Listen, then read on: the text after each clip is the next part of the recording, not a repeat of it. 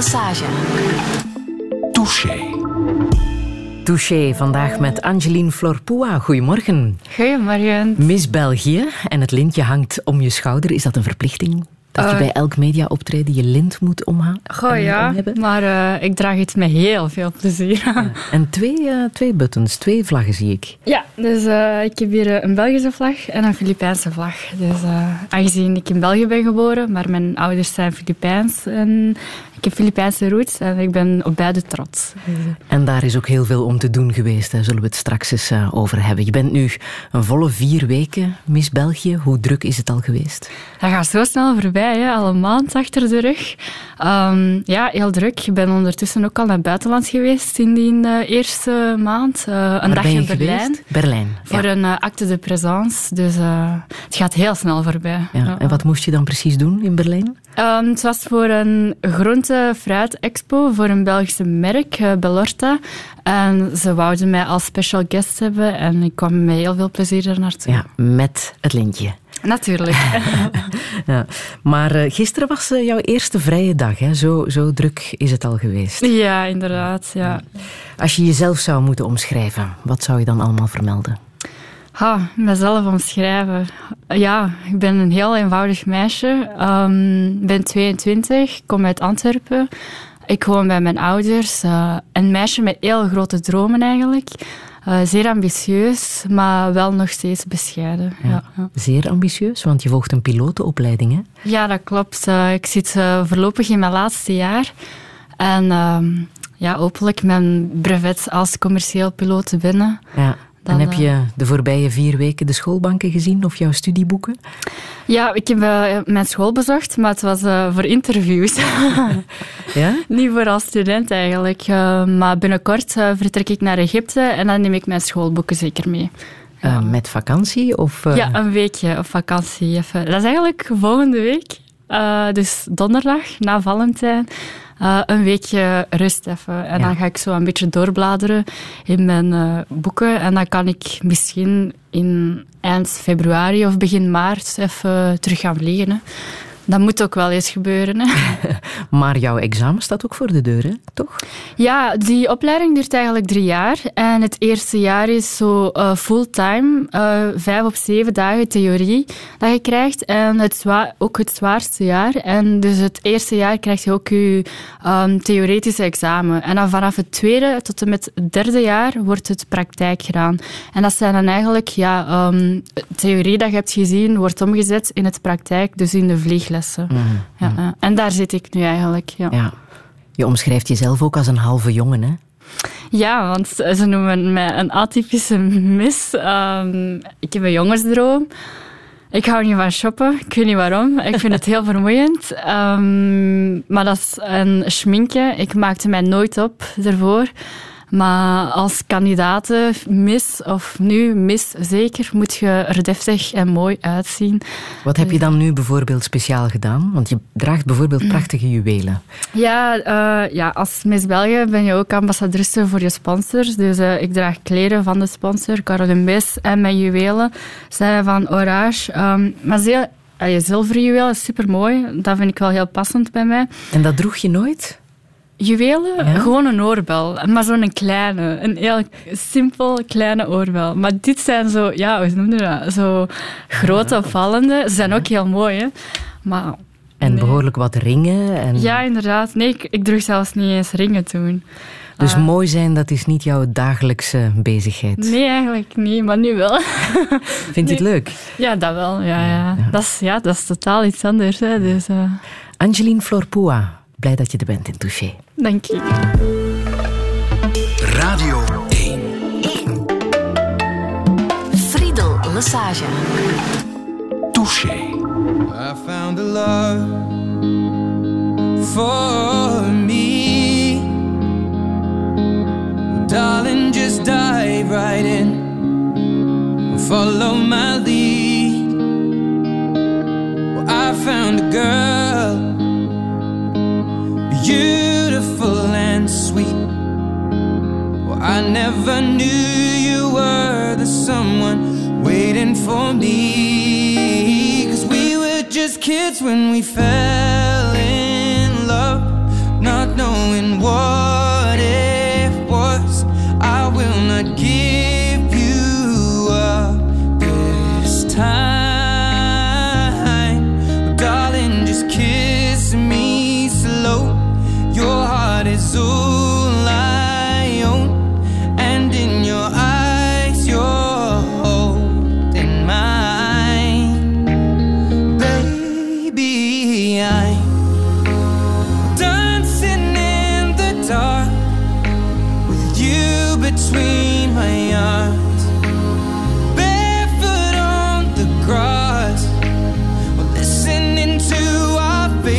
song.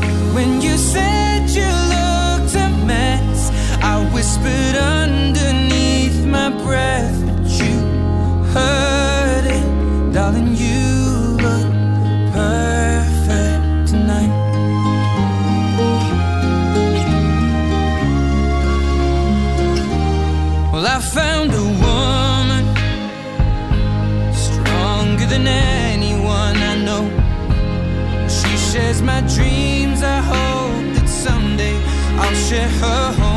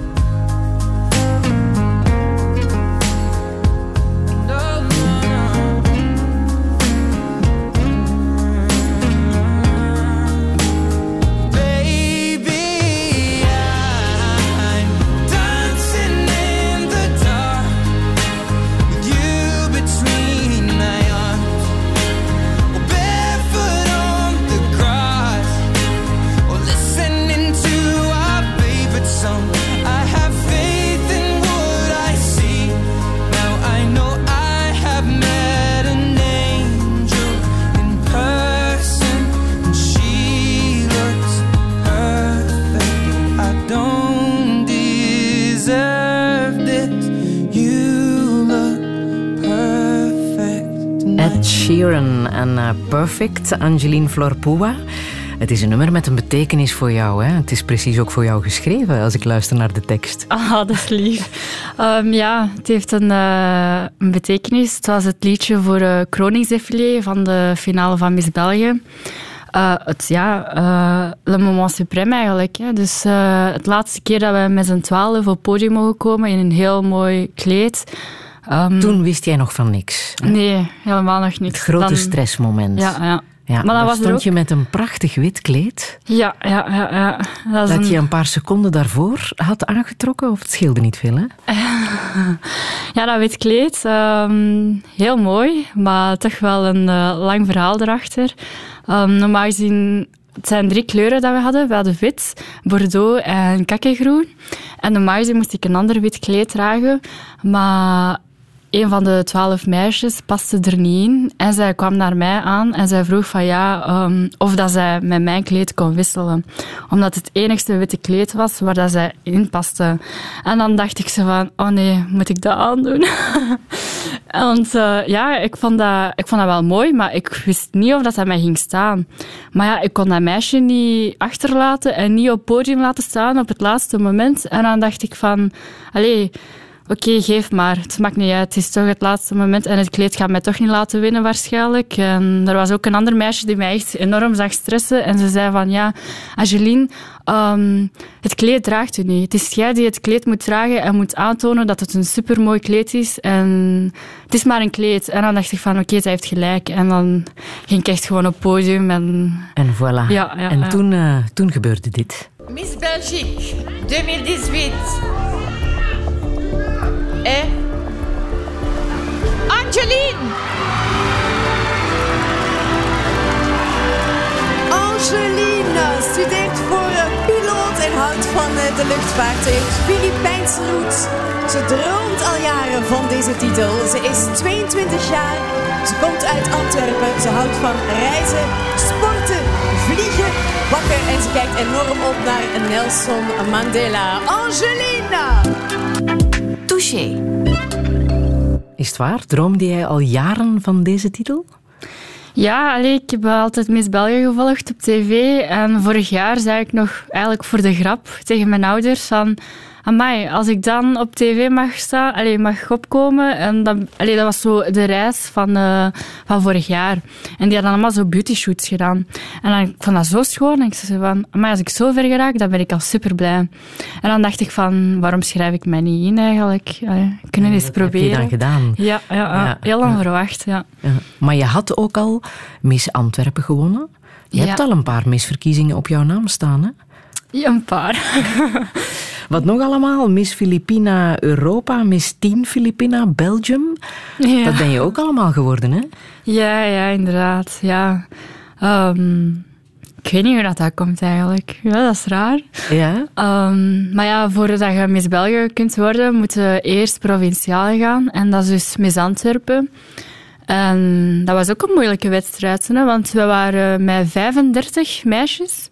En dat waren ook heel mooie, sterke kandidaten. En dan dacht ik van, oei, ze gaan er maar drie, ook een top drie uitkiezen. Hè. Eh, Ja. en ja, dat was echt moeilijk. Dat is moeilijk om jezelf zo op een plaats te zetten van eerste, tweede of derde, want je weet niet wat ze zoeken en of dat je hetzelfde denkt over jezelf of niet. Dus eh, Er zijn zo'n 2000 meisjes die zich hebben ingeschreven voor ja, inderdaad. Miss België. En dat is dan een soort afvallingskoers. Hoe, Ja, dat is een- hoe gaat dat precies? Dat is een hele rollercoaster eigenlijk. Dus eh 2000 ingeschreven en daarvan kiezen ze... Dan is er een selectie dat je moet doen ehm, met jury, eh, jurygesprekken. En daarvan kiezen ze 220. Dus dat is van alle provincies dan, over gans België. Dan moet je de provinciale verkiezing doen. En dus pak dat wij met 220 naar 65, 65 gingen. En dus dat wil zeggen dat 65 meisjes door mogen gaan naar de volgende ronde. Maar ja, die volgende ronde is ook een jurygesprek. En En waarover gaan die jurygesprekken? ja, over jezelf en een beetje over België. Eh, een examen hadden we ook, tien vragen erover. Moeilijke vragen? Nee, dat was een eerste minister. Ehm, wat, wat voor vragen waren dat alles nog? Ik weet dat zelfs niet meer. Politieke vragen. Ja, toch wel. Ja. Dat is heel raar, hè? En Maar heb je daar moeten voor studeren? Ja, je krijgt wel een, een boek over België. En je krijgt de tijd om eh, zo wat doorheen te bladeren, in te studeren. En ehm, ja, maar ik denk dat het jurygesprek het belangrijkste is. Ja. Want ja, dat is je eerste indruk dat je moet maken. Dat is bij een sollicitatiegesprek. Eh, je krijgt maar drie minuten de tijd om er jezelf, over jezelf te babbelen. En zij stellen dan ook vragen en ze verwachten dan ook direct een antwoord. En ja, dat is, dat is je eerste gedachte, hè, dat je dan zegt. En of dat, dat goed of slecht is, dat, dat wordt... eh, soms kunnen heel dom overkomen. En dat is niet goed. En, maar ja... ehm, Je moet ook jonger zijn dan 25, ongehuwd en kinderloos en de Belgische nationaliteit. Hè? Dat zijn de ja, dat voorwaarden klopt. Dat is heel om eh, te Ja, kunnen deelnemen. Heb je dan ook effectief jouw identiteitskaart moeten bovenhalen? Ja, tuurlijk. Ehm jij schrijft je eigenlijk in via de website eh, de, op eh, missbelgium.be. Daar staat op, schrijf je in voor Miss België 2018. En dan staat erop ehm, ja, zo een standaardformulier van naam, gegevens en ook je nationaliteit. En ik dacht dat je die op het eerste gesprek een kopie moest binnenbrengen van je kaart. Dus ja, dat is wel... eh, daar zijn ze wel streng op. Hè? Allee. Mm. En dan kwamen er toch rare reacties binnen hè? via Twitter. Ja, dat is spijtig. Hè? Ah, Ja. ja, ja. Hopelijk is het geen Ladyboy, Miss België van de Friet Chinees. Wat was het nog? Die naam en uit Borgerocco. Wat is daar nu nog Belgisch aan? ja, ja. Wanneer heb je die reacties zelf voor het eerst eh, gelezen? Eigenlijk eh, was ik er niet op de hoogte, want eh, wacht, hè, wanneer was dat? Zaterdagavond. En zondag moest ik al vroeg opstaan. Ik had toen maar twee uur geslapen en ik moest tegen zeven uur al bij de haar en make-up voor een fotoshoot. Ehm, en dan die zondagavond werden wij opgebeld door eh, VRT en VTM Nieuws en over, dat, over die topic van ja, eh heb je dat gelezen? Maar ja, die dag had ik niet eens tijd om, om naar mijn gsm te kijken. En dan verschoot ik er enorm hard van dat, allee, ik had dat niet zien aankomen. En ik had ook niet verwacht dat het zo groot ging zijn. Van, mij.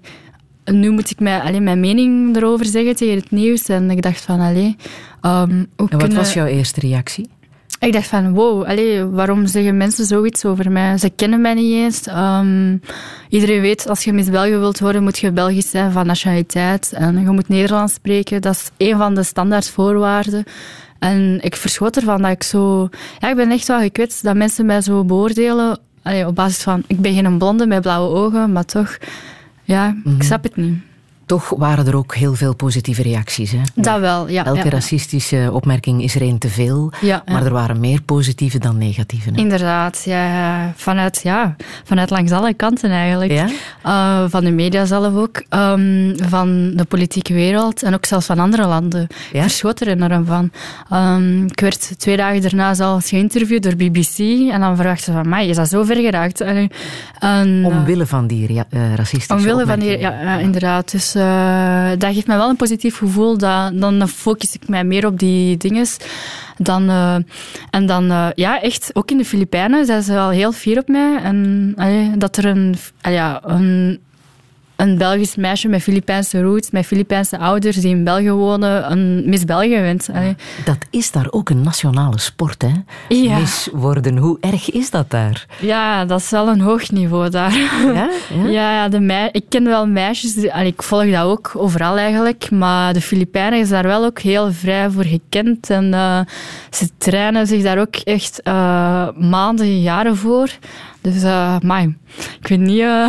Maar dat ze natuurlijk extra trots zijn op jou. Maar jij hebt dus blijkbaar ook aan dat soort uh, misverkiezingen deelgenomen. Hè? Die Filipina Europa en 10 Filipina Belgium. Dat bestaat dus wel, hè? Ja, inderdaad. Ja, eigenlijk Miss België is mijn allergrootste verkiezing ooit. En daarna komt uh, Miss Filipijnen Europa. Dat was in 2016. Dan mocht ik België vertegenwoordigen in Oostenrijk, was dat. En dat was ook, uh, dat was ook heel... Ja, dat is ook iets groots. En dus, uh, met allemaal meisjes met Filipijnse roots. roots. Ja, ja, inderdaad. Vanuit uh, gans Europa eigenlijk. Dus ja. dan dacht ik van, oei, amai. En er waren ook me meisjes erbij die al heel veel ervaring hadden. Dus dan dacht ik van, oei, oei. En ook dat daar gewonnen. Ja, met heel veel geluk, ja. ja. ja. Heb je enig idee hoe dat komt? Wat heb jij dan dat die anderen niet hebben? Ik weet het eigenlijk niet. Ik vraag me dat ook soms heel vaak af. Ja, ja. Hebben ze jou niks in het oor gefluisterd wat de echte reden is van jouw overwinning? Oh, misschien omdat ik ja, heel hard werk en nog steeds mezelf blijf. En uh, ja, ik weet niet. Iets te vertellen hebt? Ja, dat kan. Ze vinden, het heel, allez, ze vinden mij een heel goed voorbeeld. Een eenvoudig meisje uit een normaal gezin met beide... Allee, mijn ouders zijn arbeiders. Dus uh, wij, wij wonen normaal, gewoon. En ja, ik doe een pilotenopleiding en dat is een van de duurste opleidingen ter wereld die niet gesubsidieerd wordt door de overheid. Dus, en, je wil ook zelf een voorbeeld zijn, hè? Ja, wel, het is dat. En dat is Als ook je altijd, hard werkt, ja, dan ja, kan je er komen. Inderdaad, dat is ook de reden waarom dat ik hier aan deelneem. Om aan te tonen dat je door hard te werken ja, veel kunt bereiken. Hè? Want ik heb verschillende jobs gecombineerd om aan die studies te mogen beginnen. En ik vind dat wel een mooie boodschap om aan te tonen aan iedereen. Dat ook al komt je uit een eenvoudig gezin, weet je, zolang dat je erin gelooft en ook wel hard voor werkt, kun je dat stap voor stap uh, bereiken. Wat heb je nu echt gewonnen als Miss België? Wat heb ik? Ja, ik heb uh, echt geschiedenis gemaakt, denk ik. uh, ik ben nu gekend voor wie ik ben. Aha. En niet, voor mis, allee, niet als mis of zo, maar je gewoon... hebt ook geld gekregen, hè? Uh, ja, um, een mis is ook wel een job. Je krijgt wel ook een loon. En ik Ja. heb een auto voor een jaar, Volvo. De, Die rijdt supergoed. 22.000 euro heb je ook gekregen? 22.000 euro. Ja. Je, je kijkt alsof, alsof je daar nog niks van af weet. Uh, dat schijnt. Dat Ja, je dat ook dat zou kan in gekregen een hebben. jaarloon, ja, ja. en in kunstwerk. Ja, ja, juist. Ja, maar die ligt thuis. ik moet eigenlijk... eh, En op de website staat ook dat jij nu te boeken bent hè, voor personeelsfeesten, privéfeesten, opening van een nieuwe zaak, evenementen en vele andere gelegenheden. Ja, maar ik heb veel gewonnen. Allee, veel meer dan dat eigenlijk. Mag je daar dan nog in kiezen? Mag je zelf zeggen dat vind ik leuk en dat doe ik niet? Of moet je nu echt alles doen wat jou gevraagd wordt? Ah, ze vragen me wel, hè, natuurlijk. Ze zeggen van ja, zit je daar wel zitten? Maar voorlopig tot nu toe vind ik alles leuk. Ik heb al van alles gedaan. Ik ben al naar een discotheek geweest. Ik ben naar Berlijn mogen gaan voor een beurs, voor een fruitbeurs. Allee. en uh, wat heb ik nog gedaan? Uh, ja, een opening van een atelier, dat is ook heel tof. Um, binnenkort zijn er, mag ik zelfs uh, bij een, um, hoe zeg je dat? Bij een, een simulator van een boeing ja. een opening doen. Dus dan denk ik van, allee jong, dat is ook... Uh... Daar kom je niet zomaar. Nee, wel. En dan denk ik van, dat is toch wel chic, hè? Je leert de wereld wel kennen. Er gaan veel als, deuren open, dus... Als Miss België, ja, dat is zeker, ja.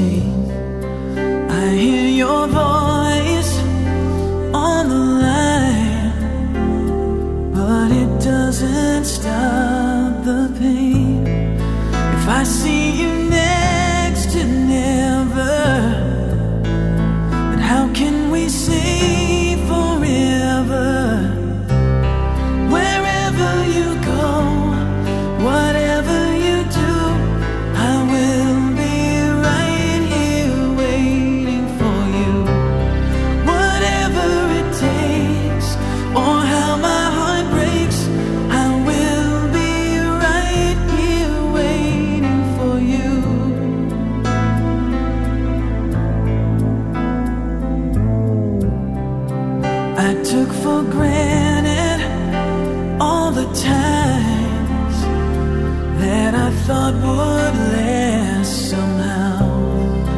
I hear the laughter, I taste the tears, but I can't get near you now. Oh, can't you see?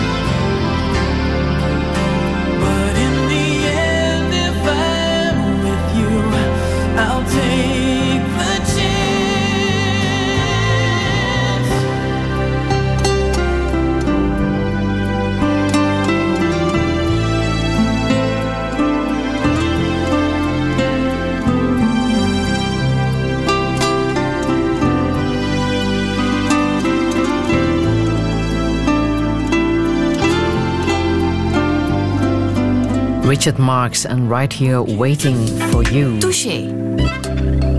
Met Miss België, Angeline Florpoua. We luisterden uh, zo net naar Richard Marks, Right Here Waiting for You. Dat is uh, opgedragen aan iemand, hè? Aan ja, wie precies? Aan mijn ouders eigenlijk. Dat is hun openingsdans uh, van hun trouw. En ik vond dat een heel mooi liedje. Dat jij zelf hebt meegemaakt? Ja, inderdaad. Ja? Hoe oud was je toen? Hoe oud was ik toen? Ik denk twaalf of zo. Ah, en ja. hoe bijzonder was dat om het huwelijk van je eigen ouders mee te maken? Ja, ik was eigenlijk in slaap gevallen toen. Dat was heel laat. maar ik heb dat beeld nog altijd in mijn hoofd en dat was mooi. Ja. ja. Dat was in een kerk, in een kathedraal eigenlijk. Um, en waar ergens? Dat was eigenlijk in de Filipijnen. Maar ze waren eerder in België getrouwd, maar voor het feest wouden ze dat daar doen. Mhm. Eh, en dat was, ja... Dus iedereen van België, die vlogen allemaal naar de Filipijnen om naar de trouw te gaan van mijn ouders. Dus dat was echt speciaal. Ja, ja. Hopelijk voor mij ook, binnenkort. Allee, Wie ja. zijn ze precies? Wat doen ze precies, je ouders? Mijn mama is... eh, ja, mijn beide ouders zijn eh, arbeiders. Dus mijn mama is ehm, eigenlijk momenteel eh 60% invalide. Want zij heeft ehm, een prothese aan haar knie. En zij is een strijkster. Dus ze kan niet zo lang staan nu. En mijn papa is ook een arbeider. Die werkt op de haven. En die is eh, een verkoper in een tax-free winkel. Ja. En ook letterlijk hier aangespoeld, hè? Ja... Via de marine? Ja, inderdaad. Ja, mijn papa, die, ehm, die... Dat is eigenlijk een heel slimme. Ik weet niet. Die heeft een beurs gekregen eh, in de Filipijnen via... ehm, hoe zeg je dat? Ehm, ja, ik weet eigenlijk... PMA, dat is Philippine eh, Maritime Academy. Dat is zo precies eh, ja, de zeevaartschool, maar dan op zijn legerse stijl. En die was dan op een schip van China en die, zat, die, die, die ging dan naar in België en dan had hij mijn mama hier leren kennen in Antwerpen op een café. Heel raar, hè? Ja. Dat- en dan is hij hier gebleven. Natuurlijk, Ja. ja. En toen ben jij geboren. Ja, ja, Wat weet jij daarvan, van jouw geboorte? Eigenlijk was mijn papa er niet bij. Erg, hè? Ehm, die was aan het werken en die was ergens anders. Ja. Ja, ja. En mijn mama was hier alleen. En dacht dat ze zelfs met de bus ging om naar het ziekenhuis te geraken. Dus dat was ook een heel gedoe. Ja. En dan, ja, dan was ik eh, geboren alleen. En dan na twee maanden ging ze dan naar mijn papa. Mijn papa was dan toen in de Filipijnen. En dus ging mijn mama naar de Filipijnen en zei ze tegen mijn papa van ja, kom, we gaan terug naar België. en dan kwam die. Ja. Ja, dat heeft hij dan gedaan. Ja. Ja, ja. Je mama vertelde zelfs dat, eh, dat ze een bloedtransfusie heeft eh, ondergaan Ja. bij jouw geboorte. Ja, dus ik ben letterlijk Belgisch. hè. Echt, echt Belgisch bloed door je aderen stromen. Ja. Dus het ging even niet goed.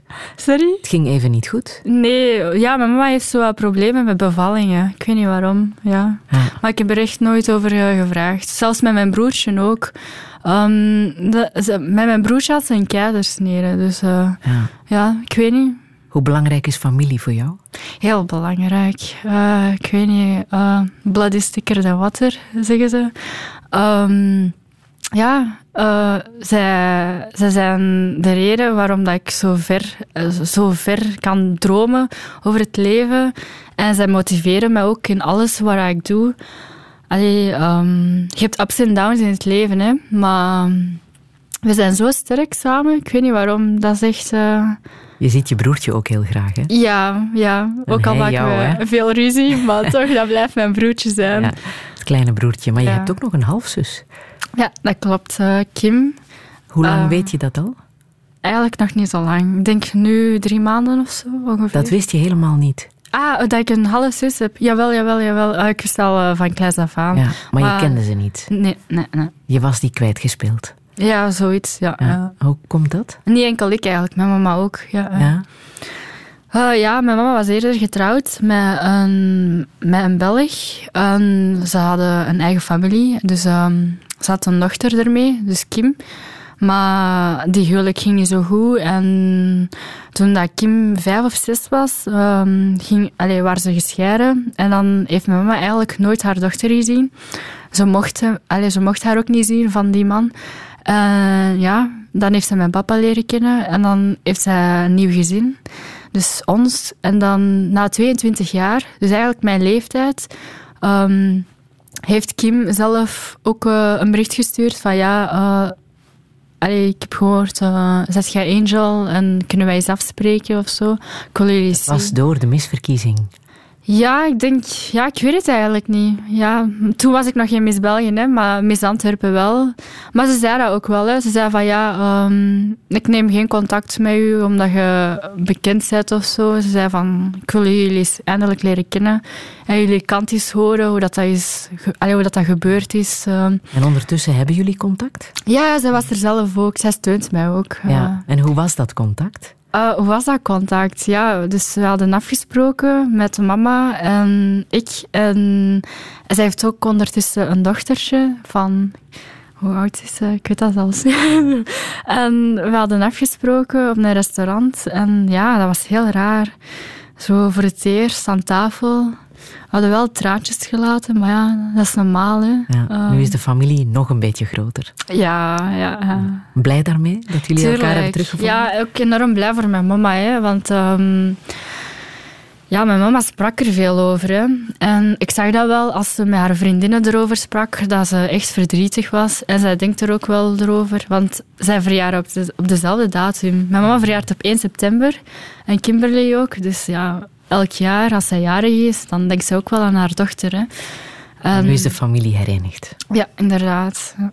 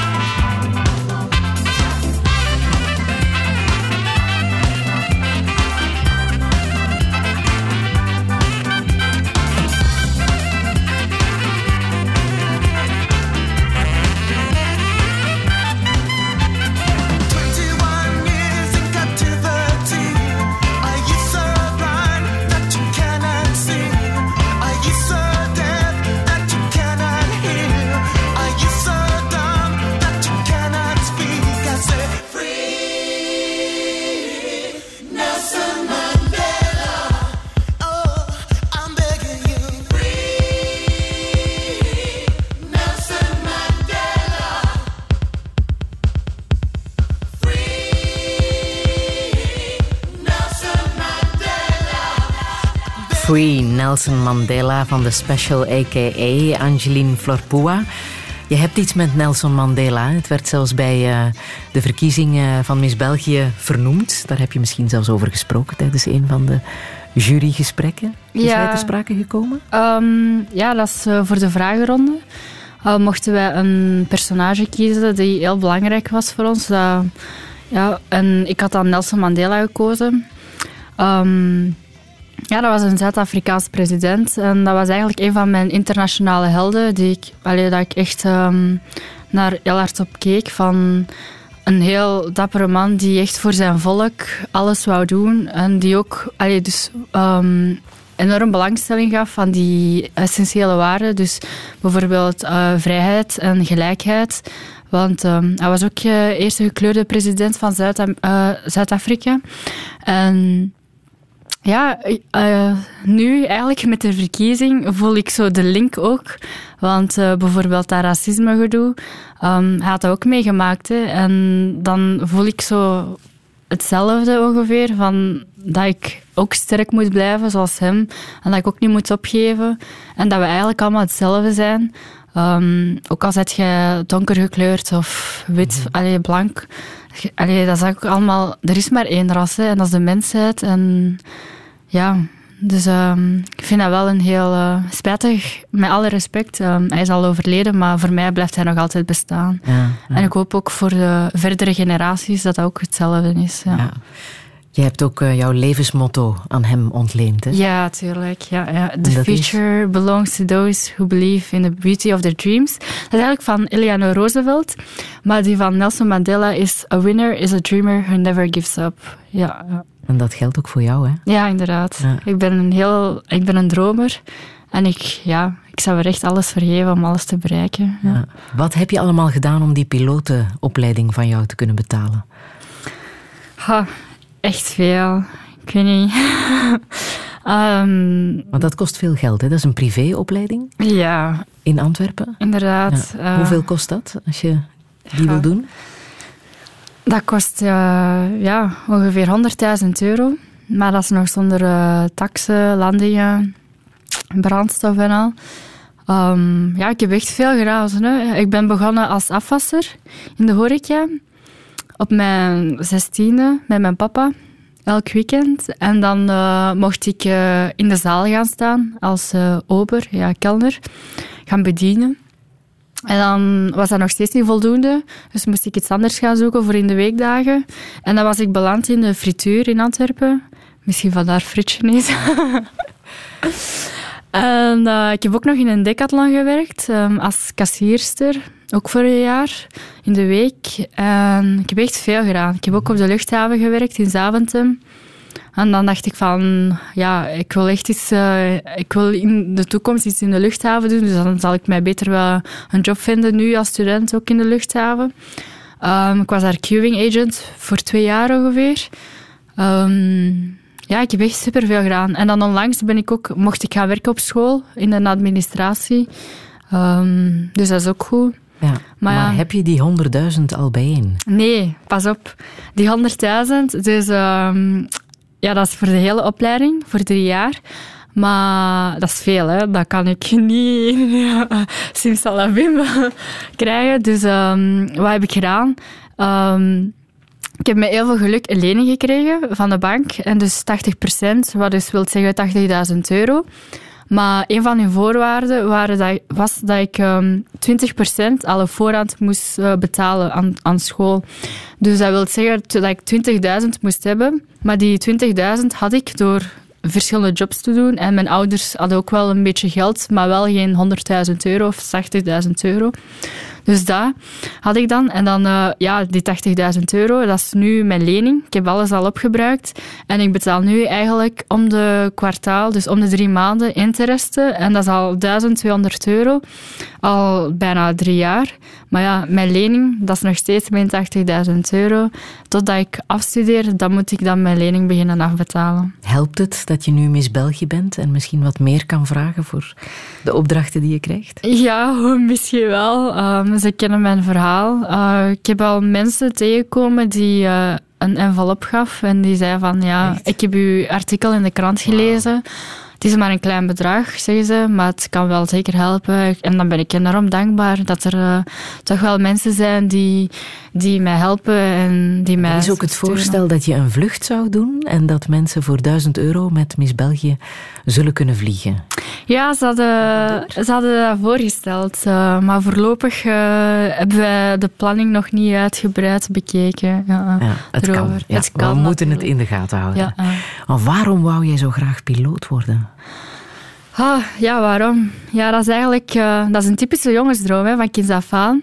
Maar bij mij, ik wist het pas toen dat ik in het middelbaar zat eigenlijk. Want in het vierde zelfs. Eh, het heeft lang geduurd bij mij. Ja, normaal gezien wilde dokter worden, advocaat of ja, prinses en zo. Maar dat gaat natuurlijk niet. Hè. En dan, maar ik moest het wel allee, zo snel mogelijk weten, want je studeert bijna af en ik wil geen tijd verliezen. En dan dacht ik van, allee, ik, ik ga heel graag op reis. Ik zit graag in een vliegtuig. En er was een programma op tv dat eigenlijk nu nog bestaat, op National Geographic, eh, Air Crash Investigation. Er zijn eigenlijk vliegtuigen die crashen, die dan... eh, die En dan en dan, ze onderzoeken dat dan, maar dat is zo met heel mooie grafische beelden.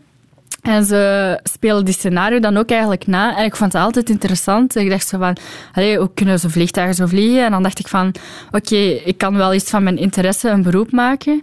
En dan in die tijd had ik dan ook iemand, ah, kende ik iemand die dan ook aan de opleiding begon. En dan hadden wij erover gebabbeld en zo. En ja, zo ben ik dan eigenlijk in de luchtvaart binnengeraakt. Maar dus op basis van een documentaire over Ja. hoe vliegtuigen crashen, Ja.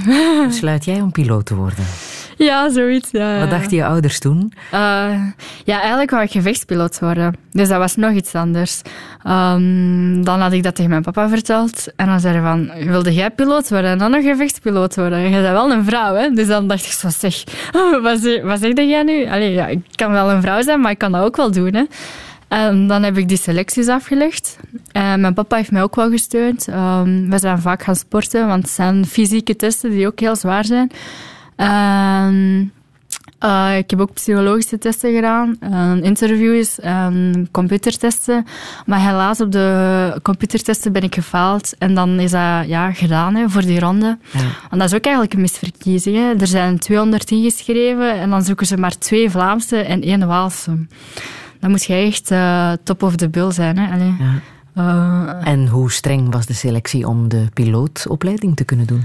Uh, ja, dus eh, bij, de, bij het leger is dat wel heel, veel strenger. Uh, maar in de burgerluchtvaart heb je ook wel selecties. Um, dus moet je ook um, medisch goedgekeurd zijn. Um, een interview moest ik ook doen, wiskunde, fysica, een simulatorcheck.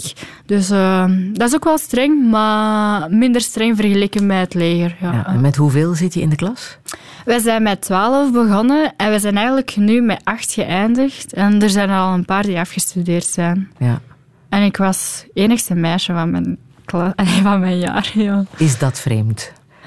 ja, het is een mannenwereld. Hè.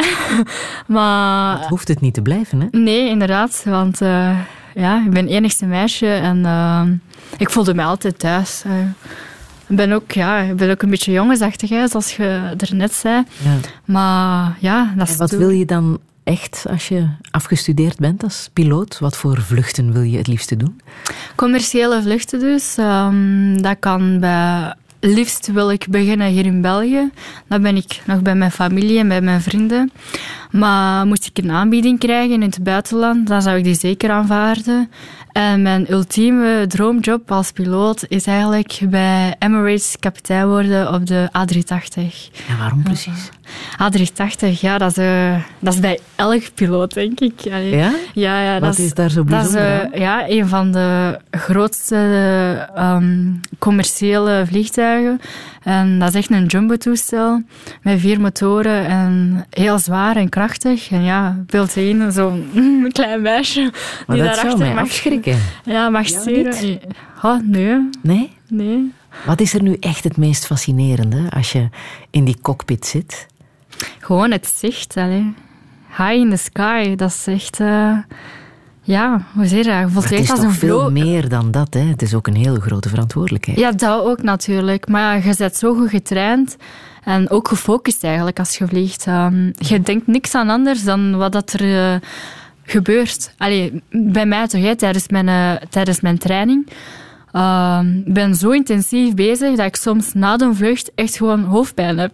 Ja, Van de concentratie Ja, van de concentratie, ja. Ja. Nou, Wat vind ook je het moeilijkste? uh, de multitasking soms, ja. Want je moet uh, communiceren met de toren. Ja. En dan uh, vliegen. En dan... Ik vlieg meestal met mijn instructeur. Want het is een, uh, een, een missie dat wij dan doen. En dan stelt hij vragen. En dan moet ik dan ook nog antwoorden terwijl dat ik bezig ben met iets. Vrouwen kunnen dat toch? Ja, pas op. Het is echt wel... eh, het Moeilijk. is heel moeilijk. Hè? Maar het, zo zal het allicht ook zijn, hè? In ja, het echte leven. het is een deel van de training. Hè? Dus eh, binnenkort zal dat wel eh, veel gemakkelijker gaan, veel vlotter. Ehm, ja, Ja, maar soms kan dat echt wel hard zijn. ja. Kijk je er naar uit, naar je echte maidenvlucht? Ja, natuurlijk. Ja. En weet je al wanneer dat, dat zal zijn en waar naartoe? Ha, nee, allee, dus eerst zo snel mogelijk afstuderen. Ehm, en dan, ja, iedereen moet gaan solliciteren. Dat is ook, eh, dat is, daar, dus daar zit geen verschil in. Hè. Dus ehm, moeten wij hier in België cv's gaan binnenbrengen en opsturen naar buitenland. En dan is dat ook nog afwachten, hè, want dan krijg je nog extra training voor een bepaald toestel, een type rating. Eh, dat is ook een paar maanden. En dan pas begint eh, real life Ja. van het vliegen. Ja. En waar? Ja, ik weet het echt niet. Ik kan me dat zo niet inbeelden. Of dat ik nu bij Brussels Airlines mag beginnen, of bij TUI, of bij, zeg maar eens, bij uh, Hainan of eh, bij Emirates. Wie weet direct. Allee, ik weet het echt niet. Ja. thank you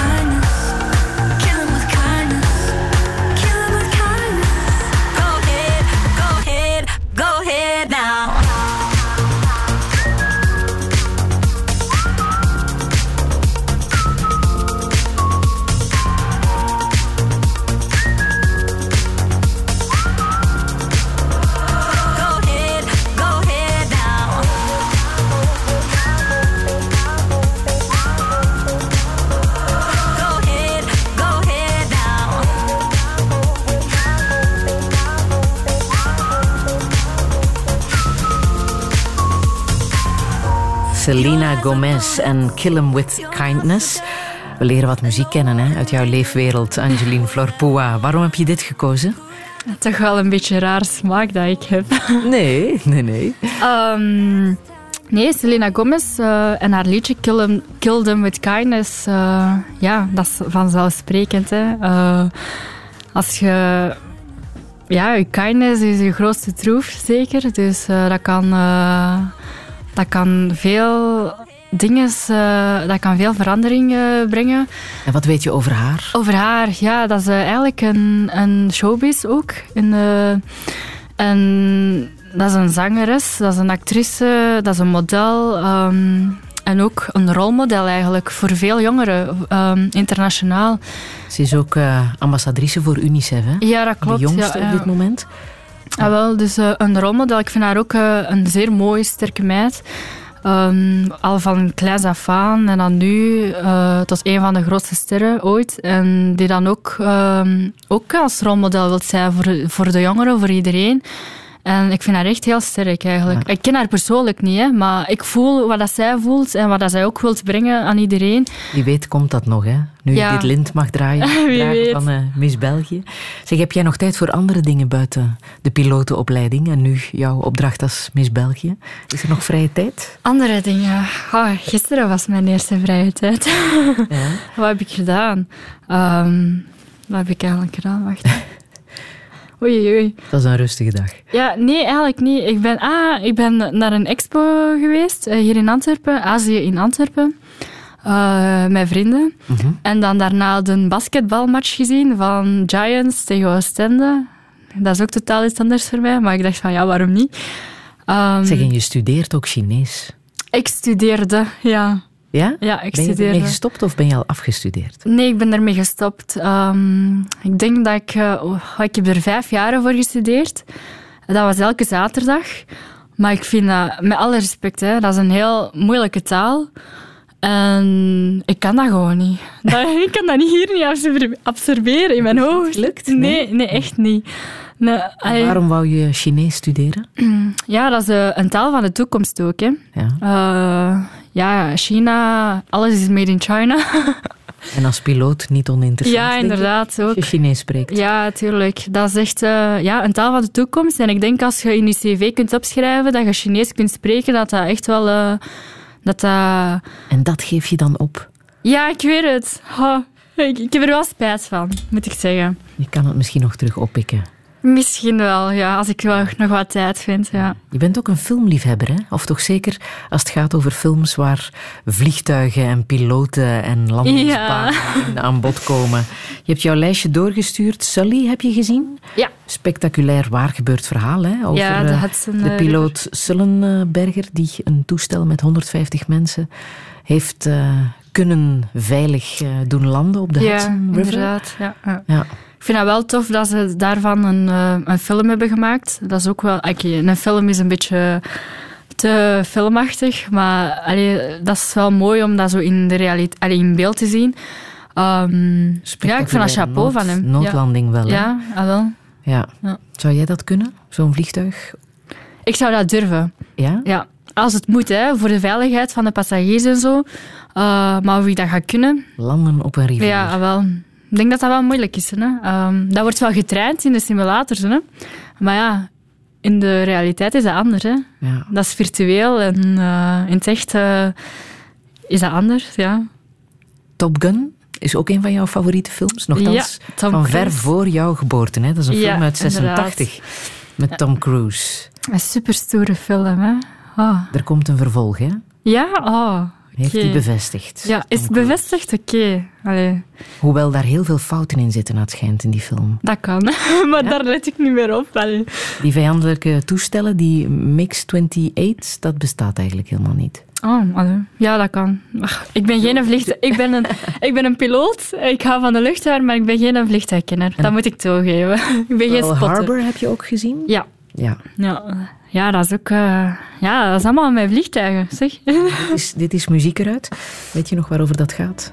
Pearl Harbor. Ja, ja, dat is, eh, dat is ook wel oorlog, hè. Dus eh, dat is wel het ja, minder leuke aan het film. Maar ja, ik let mij meer op het vliegen.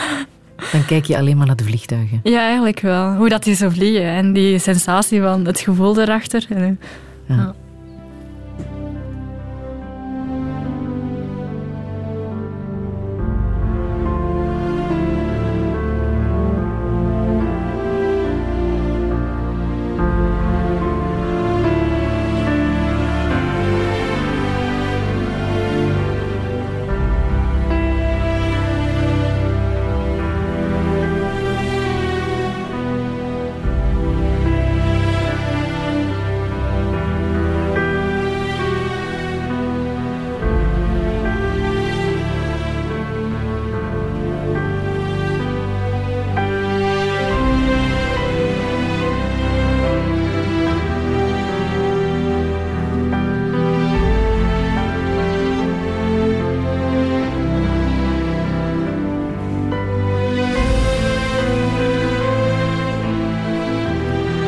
Muziek uit de film Pearl Harbor over de marinebasis in eh, Hawaii. Een van de favoriete films van Angeline Florpua.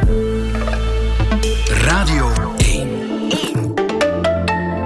Friedel Lassage. Touché. Touché met Miss België, Angeline Florpua. Het was lang geleden dat het nieuws over de nieuwe Miss België zoveel aandacht kreeg. De verkiezing van het mooiste meisje van het land is niet meer te zien op de commerciële zender, maar veroorzaakte wel een kleine Twitterrel over haar Filipijnse afkomst. Een klacht laat ze varen. Ze hoopt wel dat haar Aziatische roots een stimulans kunnen zijn voor alle nieuwe Belgen om dit land te omarmen. Angeline heeft haar naam niet gestolen. Ze houdt van vliegen, volgt een opleiding als piloot, al was ze nog liever gevechtspiloot geworden. Ook daar hoopt ze als vrouw het verschil te kunnen maken. Maar wat met de toekomst? Maakt ze zich zorgen over Brussels Airlines? Waar was ze op 22 maart? En vliegt ze ooit nog zelf naar de Filipijnen? Dit is Touché met Angeline Florpua. Een zeer goede middag. Ground control to Major Tom. Ground control to Major Tom. Take your protein pills and put your helmet on. Ground control to Major Tom. Commencing countdown engines on. Check ignition and may God's love be with you.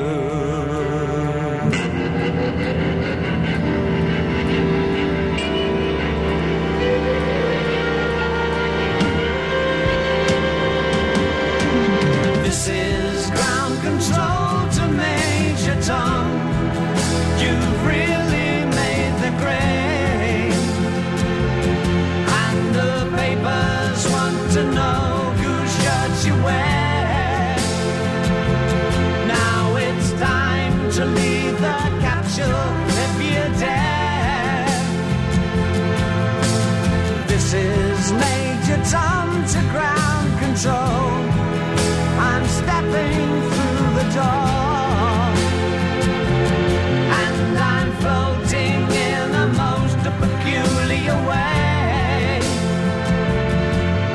the stars look very different today.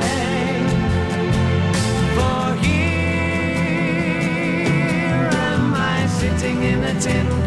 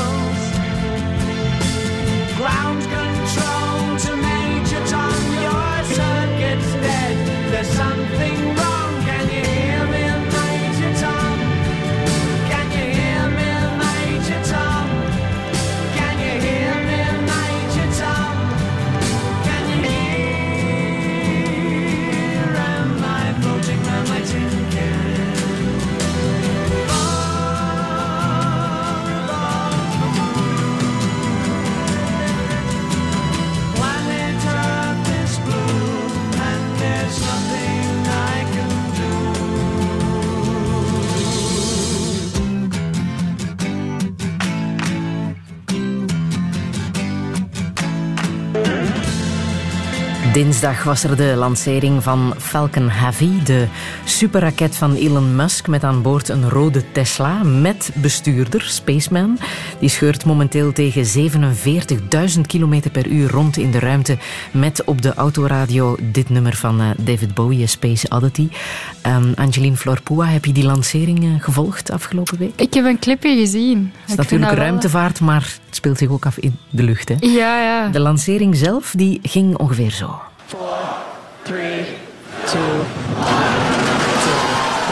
Om kwart voor tien gisteravond Belgische tijdstip stijgt de Falcon Heavy op van op Cape Canaveral. De raket weegt 1420 ton. De 27 motoren hebben de kracht van 18 Boeings 747. Uh, that was epic. I think that's probably the most exciting thing I've ever seen. Touché. Een zeer gelukkige Elon Musk, want eh, de lancering was geslaagd. Wat heeft jou zo gefascineerd aan die, eh, die lancering? Ik vind dat cool. zeer zeker. Ja. Nee, dat is toch straf. Allee, ik denk dat er wel eh, jaren... Dat ze er jaren mee bezig zijn. Maar ja, een mens in de ruimte, dat is ook wel straf. Hè? Maar zo'n auto in de ruimte schieten? Ja, en dan een Tesla dan ook nog. Ja, dat is echt... eh, Had hij nog staan in zijn garage, denk ik. misschien er veel. Maar wat, wat heeft jou het meest bezig gehouden? Eh, ik vind dat echt... eh, Allee, oké, dat is ook eh, een andere wereld. De ruimtevaart, dat is ook heel moeilijk. Ik denk, eh, dat elke astronaut is ook wel een piloot, eh, een ingenieur en zo. Maar dat is ook eh, echt, eh, hoe zeg je dat, slimme mensen die daar zich ook op focussen op naar een toekomst voor iets anders. Met de bedoeling om burgers de ruimte Ja, in wel, te kunnen dat. sturen. Hè? Wat denk je daarvan? Dat is echt, eh, ik kan me dat nog niet inbeelden. Maar dat is wel om iets naar uit te kijken. Dat is toch, dat is zo straf, hè. We hebben de wereld en dan willen ze nog iets anders. En dan, ja, ik weet niet. Zou je dat zelf ook willen? Ja, waarom niet?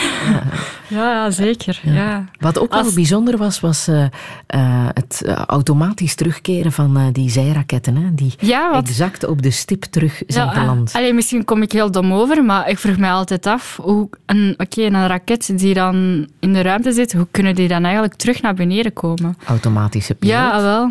Dus ja, ik vind dat wel heel straf. Want dat zeggen ze toch ook van piloten, die hoeven niks meer te doen. Het is de automatische piloot die alles dat hoort doet. je Is dat vaak. zo? Hè? Maar de opleiding is heel zwaar. Hè? Ehm, Wanneer wordt de automatische piloot echt ingeschakeld? ja, dat kan...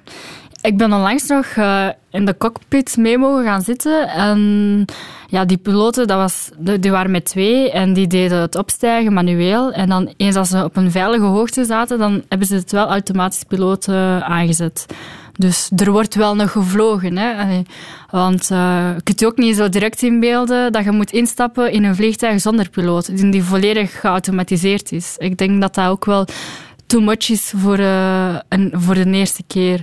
Dus, maar ja, wij zijn er ook om, om in te vallen voor een noodgeval, want ja, het is nog steeds een computer en dat kan ook nog een error krijgen. En daarvoor zijn wij ook voor opgeleid. Eh, ja, Of iets technisch of mechanisch. Dus eh, ze hebben ons nog nodig. Gelukkig. Nu, er was uit eh, de luchtvaart ook groot nieuws hè, afgelopen week. Dat was dit. Na dagen van geruchten is vanavond bevestigd... de top van Brussels Airlines wordt de laan uitgestuurd... door het moederbedrijf Lufthansa. De CEO van Brussels Airlines, Bernard Gustin... en zijn financieel directeur blijven nog tot 1 april aan boord. Daarna moeten ze plaatsruimen voor een Duitse CEO. En over de toekomst van de Belgische maatschappij... binnen de Lufthansa-groep blijft intussen veel onduidelijkheid bestaan. Touché. Er komt een nieuwe directie, maar wat dat op lange termijn zal betekenen, dat is natuurlijk eh, maar de vraag. De naam blijft zeker wel nog een jaar bestaan. Op welke manier was dit gespreksonderwerp onder jouw pilotenvrienden? Ja, dat is wel belangrijk voor ons, hè, want wij zijn eh, piloten in opleiding. En binnenkort studeren wij af. En allee, een job vinden, dat is echt uh, superbelangrijk voor elke afgestudeerde piloot. En natuurlijk willen wij het liefst in België blijven, want ons, ons familie zit hier. En als je dan zoiets hoort, dan word je wel een beetje ongerust van oei oei, uh, gaan ze nog wel piloten zoeken, maar ja, de, de Duitsers, uh, ja, het is een moederbedrijf. Ja, ik weet het niet. Het is heel moeilijk. Ehm, want onze school werkt ook samen met Brussels Airlines eh, voor selecties en zo. Dan krijgen de nieuwe afgestudeerde leerlingen een beetje voorrang om mee te doen aan die selectie. Nu, ja, dan is de vraag, als ik afstudeer, mag ik dan nog meedoen? Ja. Nu, voor de administratie moet een en ander herbekeken worden, maar ik las dat er voor piloten echt geen probleem is. Dat is zelfs een Ja, dat had ik ook knelberoep. wel gehoord. Ja, eh, Dat maar is ja, zelfs een knelberoep. Mhm, mhm, dat had ik ook gehoord. Maar ja, dat zeggen ze nu en dat kan morgen wel nog een beetje veranderen misschien. Misschien geven ze meer voorrang aan de Duitsers, ja. Maar we zullen wel zien, zeker. Eh, zolang dat het blijft bestaan, die maatschappij, dat is goed hè, voor ons en voor iedereen. Vind jij de naam Brussels Airlines belangrijk? Dat dat... Tuurlijk, dat toont ook wel aan. Ja, ja, dat toont aan dat dat van ons is. Hè. Maar ja, als ze dat gaan veranderen, ik weet niet naar waar. Eh, Je bent nu Miss België. Kan ja, jij iets dat- betekenen voor Ja. Brussels Airlines? Ah, wel. kan jij gezicht worden van onze luchtvaartmaatschappij? Natuurlijk wil ik dat heel graag bij een Belgische maatschappij, dat Miss België daar mag komen werken. En dat is voor ons beiden goed, zeker. Maar ja, als dat ja, een andere... Als dat nu een Berlin Airlines wordt, ik zeg maar iets, maar dan... Dan, ja, dat is niet hetzelfde gevoel natuurlijk. Ja. En hoe zit dat bij jouw pilotenvrienden? Vinden zij dat belangrijk? Dat Van- de naam blijft? Dat weet ik eigenlijk niet. Ik weet het niet. Nee. Hm. Heel Ja. veel mensen zijn, het is krokusvakantie, hè, Dat is waar, ja. vertrokken. Die hebben een vlucht genomen naar de zon. ja. Omdat Ja. er hier maar weinig zon is. Dat is waar. Binnenkort, eh, volgende week ik ook. Maar dat worden drukke periodes, hè? die vakantieperiodes, als je Ja. straks piloot zal zijn. Dat is waar, ja. Maar dat is zorgen voor later. Daar ben je nog niet mee bezig? Nee, nog niet, nog niet. Ik wil nu nog even genieten. I'll fake it through the day with some help from Johnny Walker Red. Send the poison rain drain to put bad thoughts in my head. With two tickets torn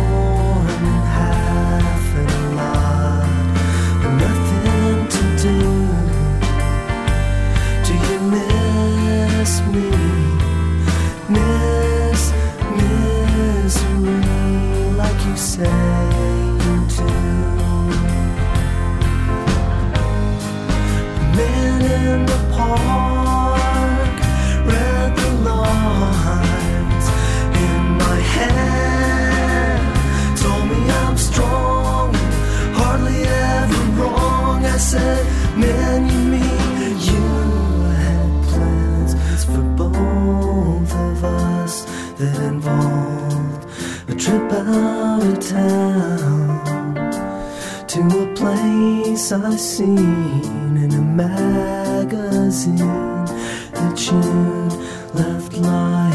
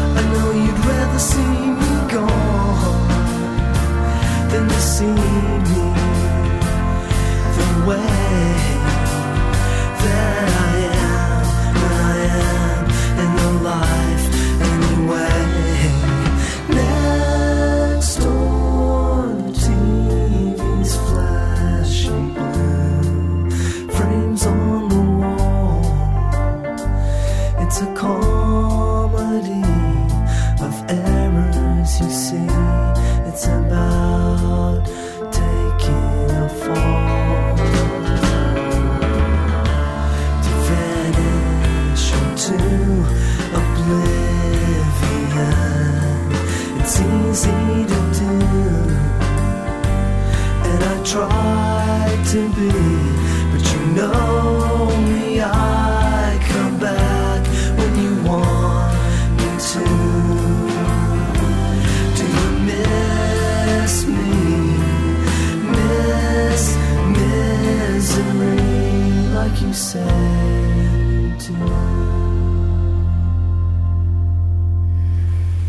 Elliott Smith en eh, Miss Misery. Gaat niet over jou hoor. Angelina. Flor Pua. Gewoon een, eh, een mooi nummer. Ehm, van de week was er het eh, proces tegen Salah Abdeslam. Heb je dat een beetje kunnen volgen? Een beetje, ja. Ja, voor eh, de schietpartij in eh, Vorst, een paar dagen voor de aanslagen in Mhm. Brussel op eh, 22 maart. En daar was, eh, was jij bij. Hè?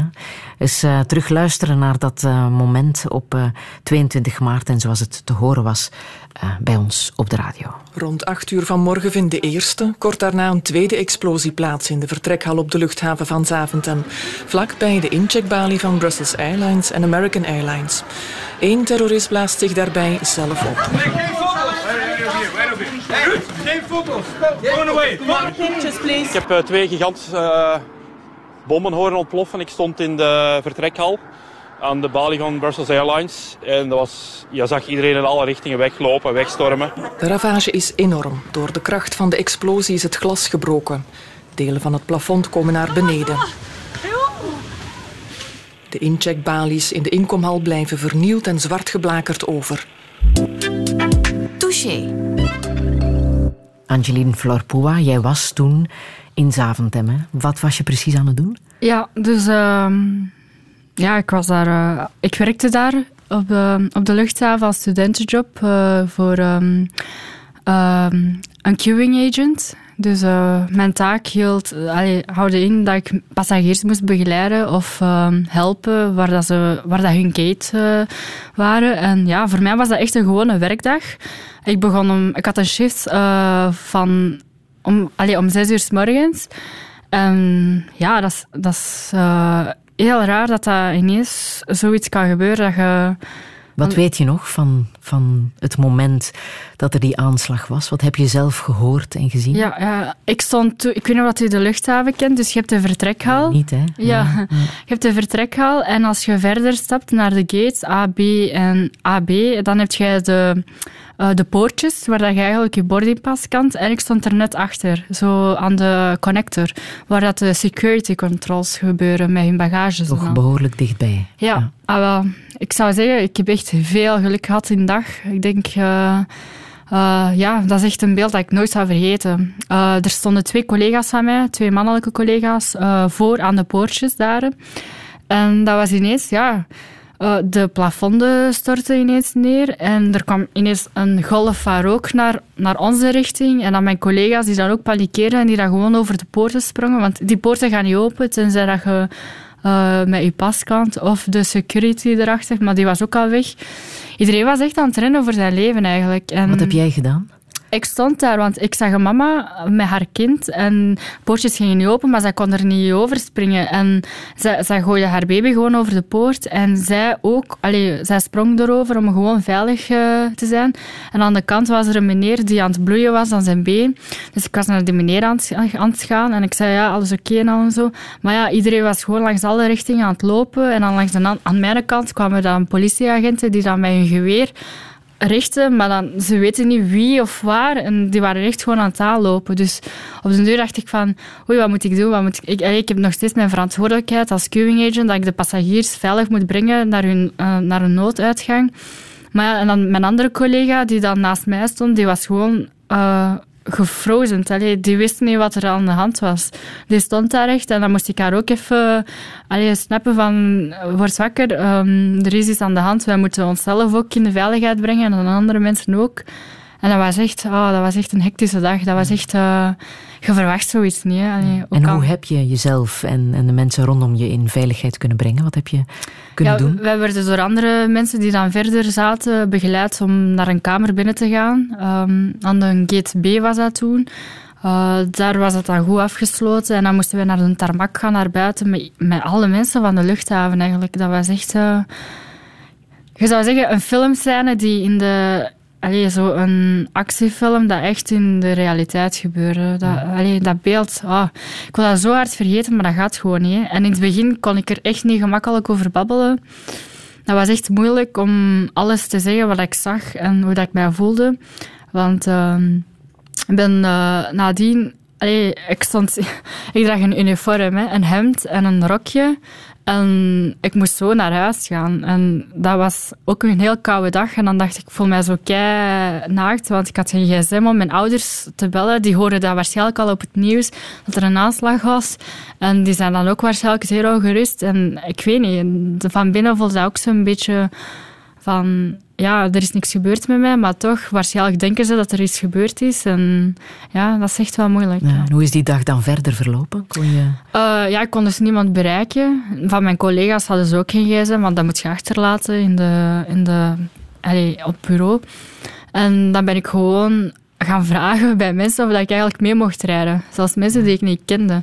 Om gewoon in Antwerpen te geraken, want ik had geen pas, ik had geen geld bij. En dan ben ik, eh, ik kon ik niet naar huis gaan. Mijn ouders waren aan het werken waarschijnlijk, ik had geen sleutels. Dus dan ben ik eigenlijk naar de luchthaven van Antwerpen gegaan. Maar ondertussen was dat ook helemaal afgesloten, met politie en al. Dus dan dacht ik van, oei, dat is hier ook al eh, heel streng. En dan zei ik van, ja, ik ben hier leerling op school en ik kan nergens anders gaan, want... ehm, ja, ik heb niks. Maar ze zagen wel dat ik mijn uniform aan had van Brussel. Dus eh, dan hebben ze mij doorgelaten. En ik denk dat het eerste dat ik deed is gewoon even naar het toilet gaan. Gewoon zitten. En ik was echt gewoon aan het barsten van te huilen. Mhm. Heb je nazorg gehad? Ja, natuurlijk. Ja? ja, want dat hebben ze wel gedaan hè, voor de mensen die er eh, Mhm. aanwezig waren. En wat hield dat toen in? We hebben met een psycholoog gebabbeld. Ja. Ja, ja. Wat was het moeilijkste? De beelden, de ja. geluid, Vooral die mama. allee. en de mama? Ja. Heb je daar nog contact mee gehad? Nee, helemaal niet. Ja. Zou je dat willen? Ja, tuurlijk. Allee, Waar- allee, waarschijnlijk was het ook niet gemakkelijk voor haar. Ik denk dat zij ook voor haar leven rende om verder te geraken. ja. Maar ik denk wel dat ze veilig zijn. Maar ja, de andere mensen dan, die dan eh, omgekomen zijn, dat is ook wel eh, moeilijk. Ja. Ja. Heeft het jou... Want ik ben nog naar de herdenking geweest, een jaar nadien.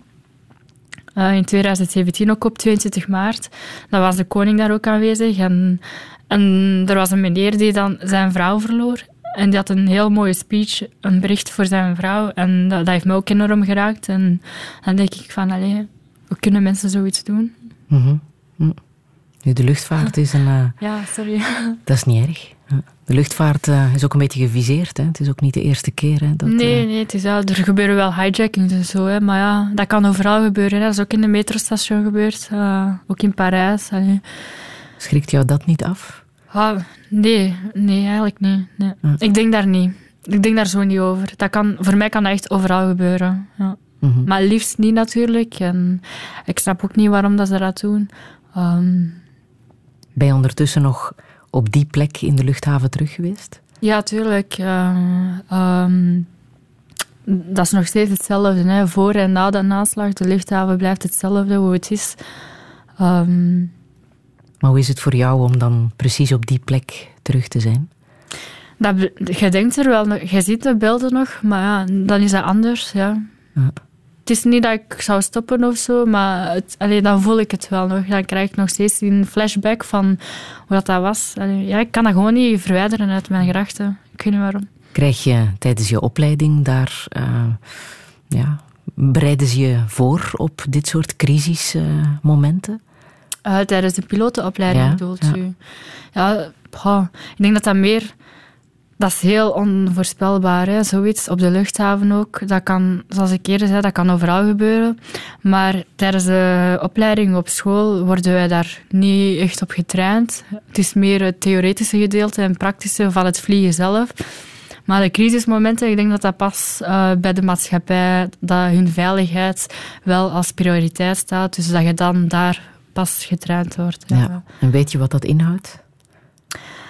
Ja, zeker eh, kalm blijven. Ja, als je een hijacking hebt, kalm blijven en zorgen dat je, allee, dat je de veiligheid nog steeds als topprioriteit zet. Niet enkel voor jezelf, maar ook voor de passagiers achter je. Je hebt een grote verantwoordelijkheid hè, als piloot. Ja.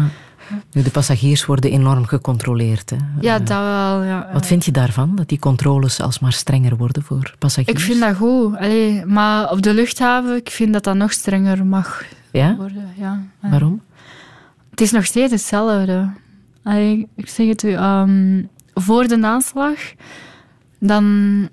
Ah ja, ik weet niet hoe ik dat moet zeggen. In andere landen worden echt alles ge- nagekeken. Hè? Dus voertuigen, bagages en zo, voordat je echt binnen mocht gaan. En hier in, eh in Zaventem wordt dat niet gedaan. Eh, enkel pas als je incheckt en zo. Maar ja, ik weet niet, dat is moeilijk hè, om, te, om te controleren. Maar ze worden wel goed nagekeken voordat je aan boord gaat. Maar ja, dat mag nog strenger zijn voor mij. Ik weet niet waarom, maar dat mag nog strenger zijn. Ja. In hoeverre worden piloten gecontroleerd? Of het Ah, cabinepersoneel? Wij worden zeer streng gecontroleerd. Ja? Ja, ja. Ja. Ja, ik denk als ik nu wil solliciteren, dat ze echt alles gaan opzoeken. Ze. Ja. In hoeverre dat jij een eh, voorbeeldige piloot bent. ja, allee, ja, dat is wel. eh, dat heeft ook te maken met 9-11. Hè, dus, eh, Mhm. eh, ja. Maar ja, strenger, dat mag. Hè. Dat kan niemand kwaad maken. Hè. Je kunt langer wachten misschien voor een rij of zo. Maar dat is voor de veiligheid voor iedereen. Hè. Ja. Dat is, hè. Allee. Ik zou liever mijn toestel tien keer na willen kijken om rond te stappen dan ene keer zo supersnel. En dan ben ik meer zelfzeker om te vertrekken.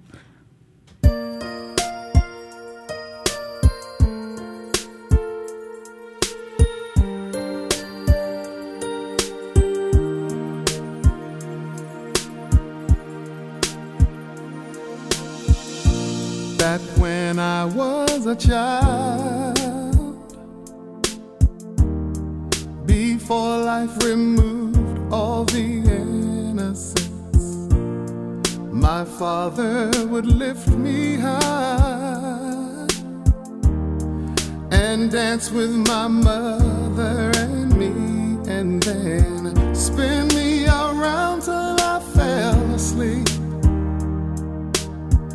Then up the stairs he would carry me, and I knew for sure I was loved.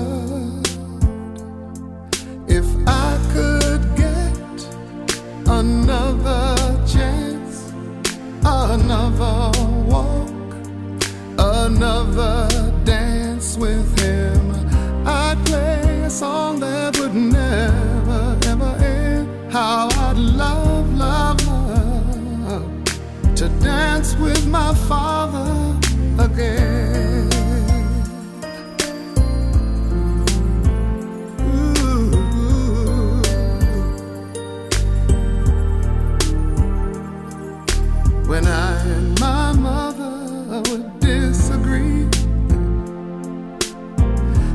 Get my way, I would run from her to him. He'd make me laugh just to comfort me. Yeah, yeah.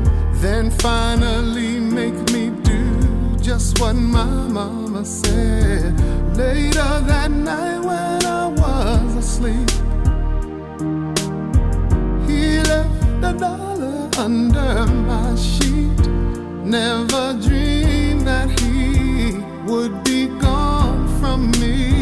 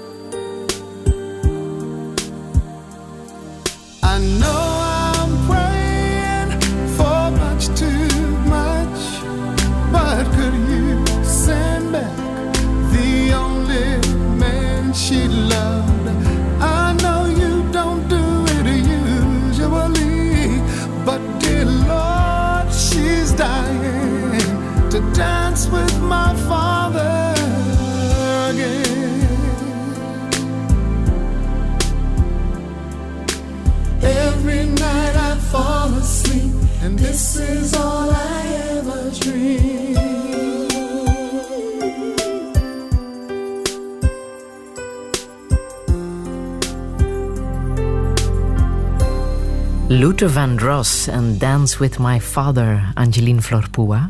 Waarom wou je dit laten horen? Dat is voor mijn papa. Ehm, ja, we hebben momenteel een beetje een zware tijd gehad. Met de verkiezing ook. eh, veel tranen ook. Veel eh, happy moments en ook veel sad moments. Ruzie een beetje. En- waar? Ja, Ja. toch wel. Hè. Allee, ehm, en ja, A Song That Never Ends. Dat is voor mij My Love That Never Ends. Voor mijn papa dus. Ehm, ja, ik, allee, hij blijft nog steeds mijn koning zijn en hij moet niet ongerust zijn. Ik blijf nog steeds zijn prinsesje zijn. Dus, eh, Ja. ja. Ook na mijn papa. 22 maart had hij liever dat je zou stoppen. Hè? Ja, ja, ja. Ik ben zijn enigste dochter, dus, eh, en hij is ook mijn enigste vader. Dus Wat ja, we hebben wel een sterke band. Ja? Een beetje een normale reactie natuurlijk. Hè? Ja, ik denk van wel. En eh, ik, heb, ehm, ik heb hem ook niet tegengesproken daarover. Ik heb wel nog een paar weken gewerkt achteraf om even terug thuis te voelen in de luchthaven. Maar dan heeft hij wel gelijk en dan ben ik gaan stoppen en dan mocht ik, eh, alleen moest ik een andere job vinden en dan ben ik uiteindelijk op school terechtgekomen Ja. bij de administratie. Dus dat is normaal. Vliegen hè. zal je. Ja. Ja, toch wel. Hè? Ja. Waarin geloof jij? Ik ben eh, gedoopt. Ik heb mijn communie gedaan. Eh, mijn mama is zeer gelovig. Ah, ja, zeer. Ehm, en ook bijgelovig. Eh, ja? ik ben ook een beetje gelovig. Ehm, ik geloof in God, maar meer van binnen, in mijn hart eigenlijk. Ik ga niet elke zondag naar de kerk. Maar ik doe wel een gebedje voordat ik ga slapen. Zelfs voordat ik op podium ga. Of als ik moet vliegen, doe ik altijd een kruisteken voordat ik vertrek. Eh, ik weet niet, ik ben zo opgevoed, ja. Door mijn mama toch. En eigenlijk, mijn papa heeft mij aangeleerd om hoe dat ik moet eh, bidden, ja, s'avonds. Ja. Want in de Filipijnen zijn ze heel erg katholiek. Hè? Weet Ja, je van waar dat, dat komt? Van waar? Oh, dat weet ik eigenlijk niet. Nee. Spaanse overheersing? Ja, ja oké, dat wel. Ja, ja, ja. ja, maar dat heeft een, Maar heel zware zo- impact gemaakt. Ja, Dat het heel erg aanwezig is, hè? Het, ja, het katholicisme.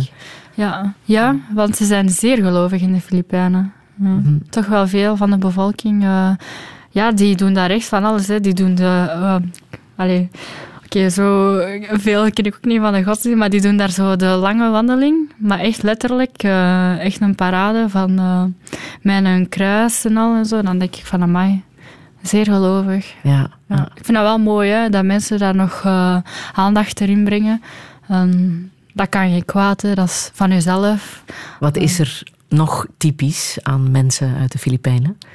Nog typisch uit de mensen van de Filipijnen. ehm, wij zijn zeer warme mensen, denk ik. Eh, je wordt heel warm ontvangen. Eh, familie is echt eh, belangrijk. Iedereen is familie, zou ik zeggen. Ja? ja. Iedereen is familie, dus iedereen is welkom. Ehm, Heb jij nog veel familie op de Filipijnen? Ja, ja. Mijn mama heeft... ehm, ze zijn met acht. En mijn papa zijn met vier. En die wonen eigenlijk allemaal in de Filipijnen. Ik heb wel hier Waar één precies? tante. Eh, mijn papa was geboren in Davao. Dat is eigenlijk waar dat de huidige president van komt. Maar wij, moesten wij op vakantie gaan, dan blijven we altijd in Manila. Dat is de hoofdstad. Mhm. Fijne stad? Eh, ja, heel drukke stad. Ehm, het vullen van Antwerpen is eh, honderd keer veel erger in de Filipijnen. Is het waar? Echt waar. Ik denk, eh, als je... Oh, moet ik een voorbeeld geven? Ehm, ik denk als je... Nee, echt waar, dat is echt super erg. Ja, Ja. ja voor... eh, noem maar iets. ehm, van, Antwer van Centraal Station naar... ehm, naar waar? Wacht, naar Brussel of zo. Een dag is echt voorbij. Dat is zo erg, ja. Het is dit jaar ook vijf jaar geleden dat de tyfoon Haiyan is eh, gepasseerd op de Filipijnen. Ja. Heeft jouw familie daar... eh, Eh, ik heb gelukkig geen familie die dat heeft meegemaakt daar. Ehm, maar ik ken wel veel vrienden die dan toch wel families hadden ehm, tijdens die tyfoon. nou, er zijn elf Dat is een miljoen super mensen die toch wel ja. getroffen zijn, hè, die Ja. geraakt zijn door, door die ramp. Ja, Hoe zit het nu met de wederopbouw? Ehm, Hoor Ik je daar denk, nieuws eh, over? Nee, eigenlijk niet. Maar ik denk wel dat de Filipijnen eh, terug eh, meer vooruitgang heeft. Allee, wordt ook, die werd ook gesteund door veel verschillende landen. Hè? Ook door België. Ik dacht, ehm, was dat de Rode Kruis die opgestuurd werd? Ik vond dat heel mooi. En ook zelf mensen, allee, Filipijnse gemeenschap hier, die ook initiatief nam, die dan aan ons vroegen van ja, wilt je een reiszak ehm, doneren, allee, eh, aanschenken. En, en natuurlijk willen wij dat doen. Oude kleren werden opgestuurd naar daar. Want ja, dat is, dat is ook erg, hè. Allee, moeder natuur. Dat is ook onvoorspelbaar, hè. En- En de Filipijnse gemeenschap hier bij ons is ook heel sterk. Hè? ja, ja, Hangt heel erg aan elkaar. Ja, ja, zeker. Die Enig hebben- idee hoe groot die is? Eh, Nee, maar echt wel groot, ja. En met nog en veel activiteit hier? Ja? Ja, ik ging allee, ehm, ehm, maanden geleden voor de finale ging ik zelfs een paar. Want de, de Filipijnse gemeenschap hebben in Merksem in Antwerpen ehm, dat ze een viering hebben elke zondag. En af en toe ging ik er naartoe en dat waren wel veel mensen. Zo. Ja. Zo ja, samen zijn. Dat is wel mooi. Samen eten, samen vieren. En dan ben ik ook eens naar Brussel geweest. En dan verschiet je van dat er toch wel... Dat ze altijd samen willen zijn, ook al kennen ze elkaar niet. Ja. Ja. Hoe zou het ondertussen zijn met Imelda Marcos? ik weet het niet. haar schoenencollectie of haar tassencollectie. Volgens mij had ze ook eh mis willen worden. Ze is mis geweest, ja, ja, hè? ah, zie. Ja, Ja, ja, juist, toen ze ja. jong was. Ja, ah, wel, dat is waar. Dat is Ze heeft zich zo toch laten opmerken Ja, ja. bij maar de president. heb je haar collectie gezien? Heb jij het gezien? Op een tijdschrift, dan denk ik van, die is eh, echt wel eh, een fanatiek hè, van schoenen en tassen. Ja. Hoe wordt daarover gesproken? Eh, ja, Marcos, dat is ook wel een zware tijd in de Filipijnen. Dat is niet van mijn tijd, hè. Maar Ver van voor jouw ja, tijd, ehm, ha, Maar toch, het heeft wel een zware stempel gedrukt, hè? ja, ja, Dat zeker. zij zo weelderig konden leven terwijl Ja. er zoveel armoede was. Ja, dat is, ja, dat is de politieke wereld. Ehm, ja, ik weet dat niet. Dat is de politieke wereld. En zowel in België of in de Filipijnen is het altijd zo ingewikkeld. Ehm, ik heb zelf ook niet veel interesse om in de politiek in Nee? te stappen. Nee, nee, dat is echt Het wordt niet... wel een politiek jaar, hè? En dan Ja. is een Miss België altijd wel heel erg interessant, denk ik. En Miss België staat open voor alle partijen, dus... eh, Dat heb je ook al mogen voelen, denk ik, hè? Ja, ik ben al eh, uitgenodigd geweest door eh, verschillende partijen en ik ga er met heel veel plezier naartoe. En ik heb ook, ik heb ook respect voor, eh, voor hun doelen, dus eh, ja, ja. En het Europees Parlement ook al gezien. Ja, dat is eh, groot, amai. Dat is precies een mega shoppingcenter, maar dan een politieke wereld. Ja. Dat is echt gigantisch. Maar dat is echt wel straf, hè? Ja? Wat vond je daar zo straf aan? Dat was, ik weet niet, ik ging naar binnen. Oké, strenge controle, dat is normaal, dat is vanzelfsprekend. En dan heb je zo'n gang met alle Europese vlaggen. En dan een supergrote foto, mm, die vergaderzaal, ik weet niet waar dat, dat was. eh, Of dat dat hier in Brussel was of eh, ergens anders. En dan heb je een lange gang en dan kom je zo precies in een keigrote ruimte. En dan echt superveel volk en dan denk je van, man, dat is precies een andere wereld. Dat je, ja, echt Dat waar. is het Europees Parlement, hè? Ja, wel, maar ik dacht... En wie ben je zoal tegengekomen? Eh, ja, ik ben ontvangen door Hilde. Ehm, Woutmans, Ja, ja. inderdaad. En ehm, zij heeft mij ook eh, begeleid. En dan eh, kwam ik... ehm, eh, Guy Verhofstadt werd ik ook ontvangen door hem. Aha. Ook wel een sympathieke man. Wat heeft hij jou allemaal toegefluisterd? Hebben ze allemaal goede raad gegeven? Ja, ja, zeker. Eh, Wat zeggen ze dan? Dat ik mij niet moet laten doen door de racistische uitspraken. Dat, ik, dat hij weet dat ik een sterk meisje ben. Dat hij dat ook ziet. En dat ik zeker moet gaan vliegen. Hopelijk bij Brussels Airlines zijn hij ook. Hij heeft aangeraden. En wie weet dat ik misschien zelfs een Miss België vliegtuig mag hebben, zei hij toen. Eh, hij was wel eh, grappig en zeer toegankelijk. Hè? Ja.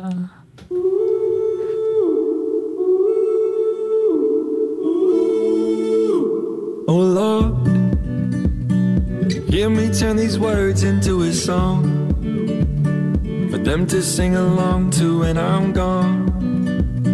For them to sing along to when I'm gone.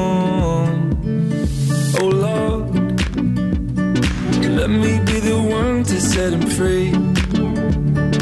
I will give him every part of me. Put my heart where everyone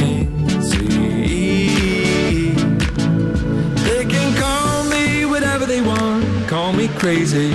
You can call me whatever you want, but that won't change me. I just don't care what the world says, I'm gonna make it. They can call me whatever they want, so what if I am crazy? crazy. Crazy,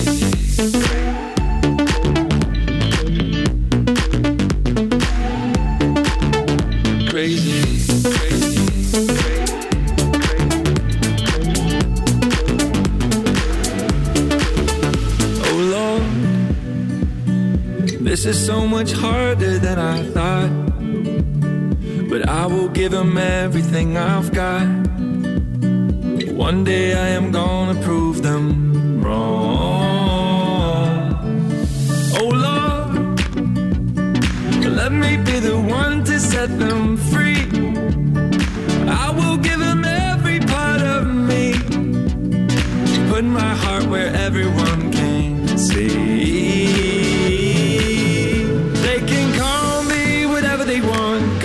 Crazy. You can call me whatever you want, but that won't change me.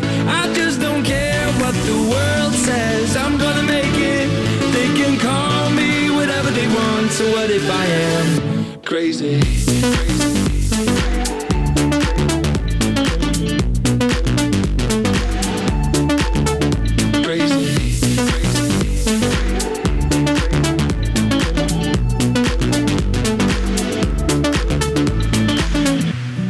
van Last Frequencies en Zonderling. Ook een heel eh, straffe Belg, hè? Felix de Laat, 24 is hij. De eerste Belg die een miljard streams heeft op eh, Spotify. Wat zegt dat over jouw generatie, eh, Angeline Flocqua? Ik luister Die- heel graag naar hem. Ja, ja, en dat die millennials het meteen zo ver brengen. Ja, ja, ik heb hem vorige week live gezien. Ja? Op de, op de Mias. Dat ook veel awards gewonnen. Daar was Echt. jij ook natuurlijk. Ja. Als Ja. Miss België. ja, ja. En eh, ja, dat is ook een jonge man die eh, veel heeft bereikt. Hè. Die is ook van, van laag begonnen en dan zo gegroeid. Hè. Dus echt wel eh, een crazy.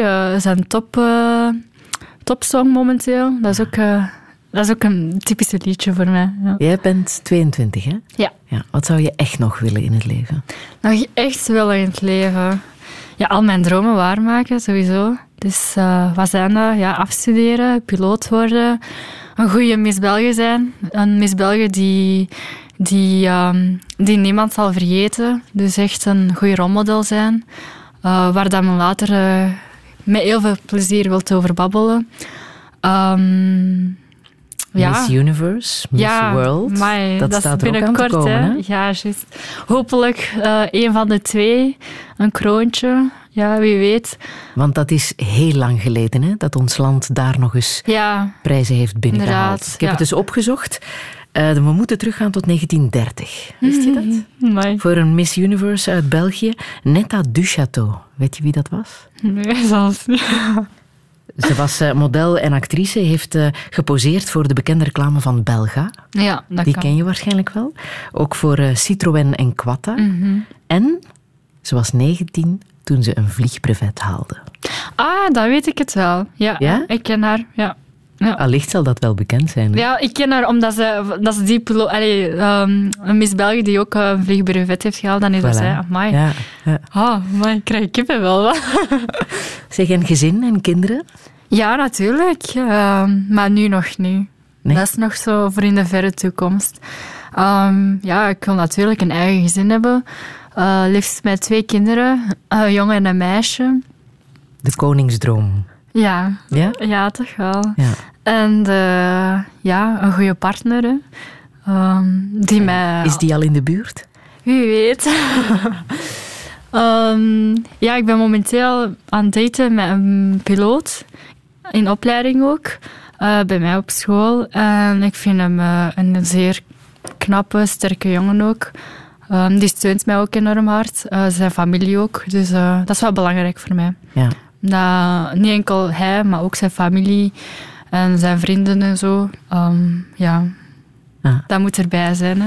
Nou, wat Eh, vinden je ouders ervan? Want dan moeten ze Angeline mijn ouders... loslaten. hè? Ja, dat moet wel ooit, hè. maar ze vinden het nog een beetje te vroeg eigenlijk. Ja. Eh, mijn ouders willen dat ik mijn dromen waarmaak. hè. Dus het afstuderen, een job vinden, een goede Miss België zijn. Ze vinden dat liefde nog een beetje kan wachten. Maar ja, liefde, dat kun je niet voorspellen. Dat komt onverwacht. En... Met twee piloot zijn in een gezin. Dat ja, wordt organiseren, dat kan, hè? hè. Ja?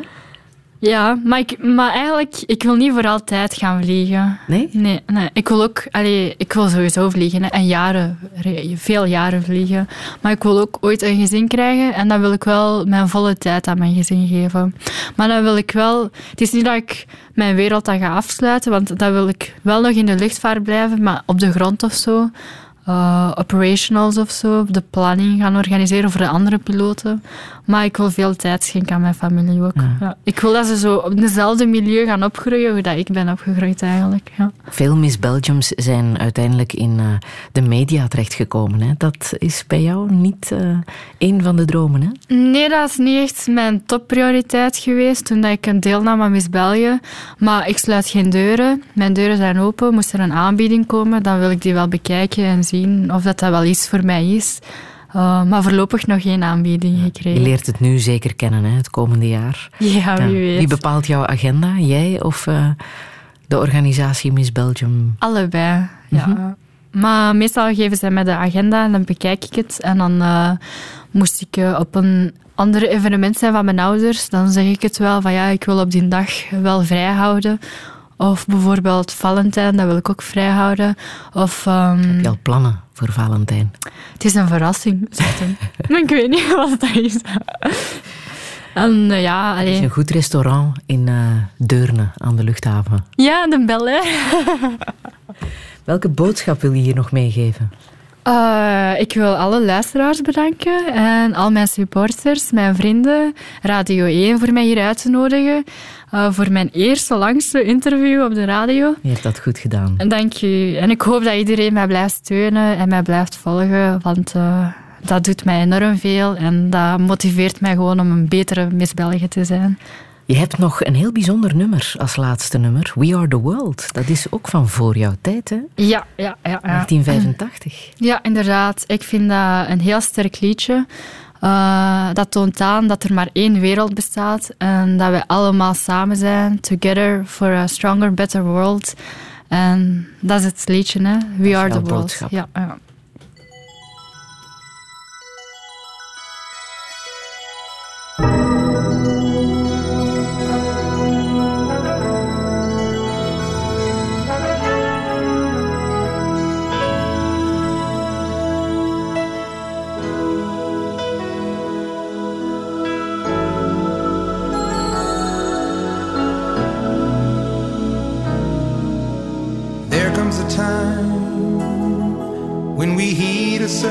When the world must come together as one. There are people dying. Oh, when it's time to lend a hand to life, the greatest gift of all. We can't go on pretending day by day that someone soon make a change. We all a part of God's great big family. And the truth, you know, love is all we need.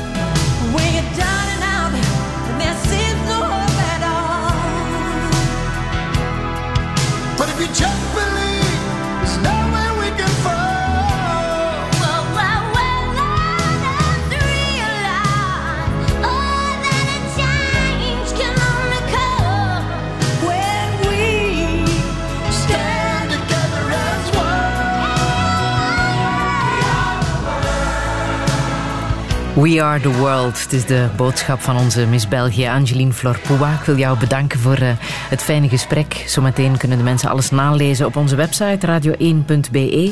En volgende zondag praat ik met relatietherapeute Esther Perel. Radio